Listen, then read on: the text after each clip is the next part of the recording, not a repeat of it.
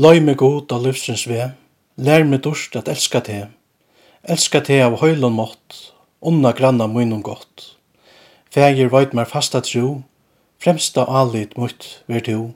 Fastan halt mer tær i tja, fettlur enn mer verin fra. Legg mer vevn og vøykan barm, vevn som latter sorg og harm. Gongst mer ytla, gongst mer vel, takkar sjonkur, jøa skal.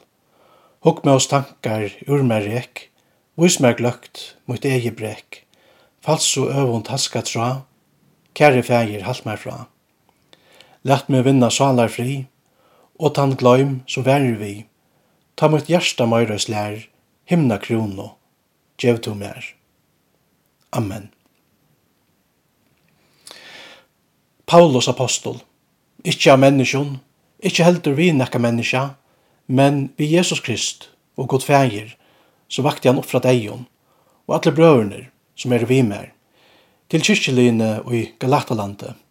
Nå er vi vitikkon og frigjør fra gode, fægir og herravaron, Jesu Kristi, som gav seg sjálvan fire sinter okkara, for at han kom til bjerga okkon ut ur hesson nuverande vant og høyme, etter vilja gods og fægir vårs. Honon ver i høyren om altor og atlar æver. Amen. Galata kapitel 8, vers 8 og til vi 5. Hvert er apostolskur myndløyge? Hesin myndløygen som Paulus og Gjerna vil verja. Og i bøkene er tryggve, lekkur Karl Fredrik Wislöf mittel anna denta at det som god kvakter menn sia i skriftene er Guds sanna år. Talan er altså om ein godomlian båskap, som vi må bodja okkon fire. Skriften er i Nudja Testamentet forteller okkon vi godomlig og myndlaika om Jesus og frelsna og i honom. Hinn apostolske myndlauken er et garanti fyrir sannlaukan og tøy som er sagt om Jesus. Etla som Petter sier, tøy at det var ikkje snildelige saman pentajer søvor som vi fyllt ta vid kunngjørt og tykkun vår Herre Jesu Krist mått og komo. Men vi tatt å være egna vittne til hattekn hans herre. 17. Peters brev, kapittel 8, vers 16. In apostolske myndløgjen er òsne gjøtt garanti fyrir sannløykan og i tulkan apostlana.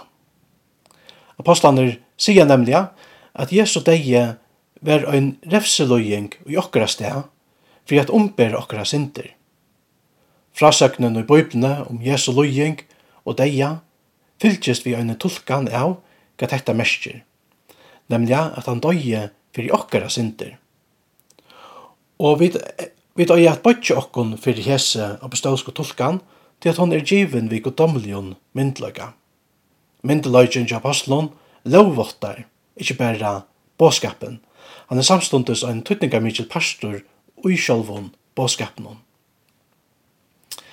Båskapren i Nudja Testamentet er mittel anna hesen. Jesus, sonur Guds, hefur utvalt apostlar som han hefur givet sin egna myndløyga og anda og en høylt særlig nått.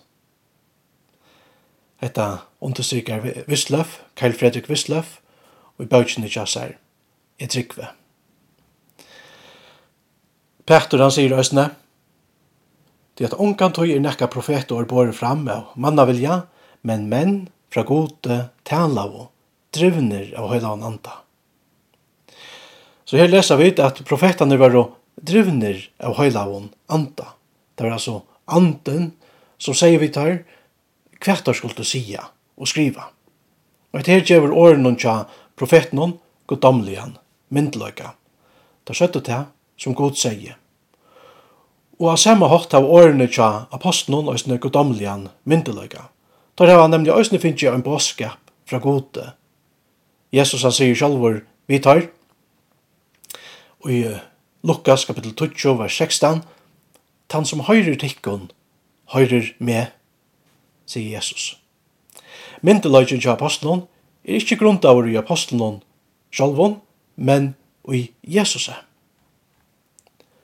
Jesus hefur sjálfur utvalt apostlar, som han hefur givet sin egna myndløyga og anda og ein holdt særlian hot.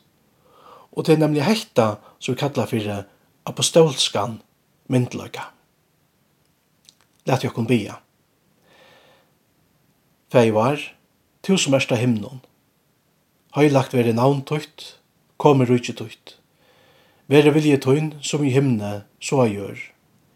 Gjev okkun i det okra daglige brei og fyrir gjev okkur synder okkara, så så vidt òsne fyrir gjev tøymon og imauti okkur synda. Og løy okkur ikkje frøstingar, men frels okkur fra til ytla, det er tutti rujtje, valdi og høyren, om allar ræver. Amen. Herren, var signe til og varvøyte til. Herren lett i anles utløse ivet til og være til naivor. Herren lytti opp asjonsyn ivet til og djevet her fri.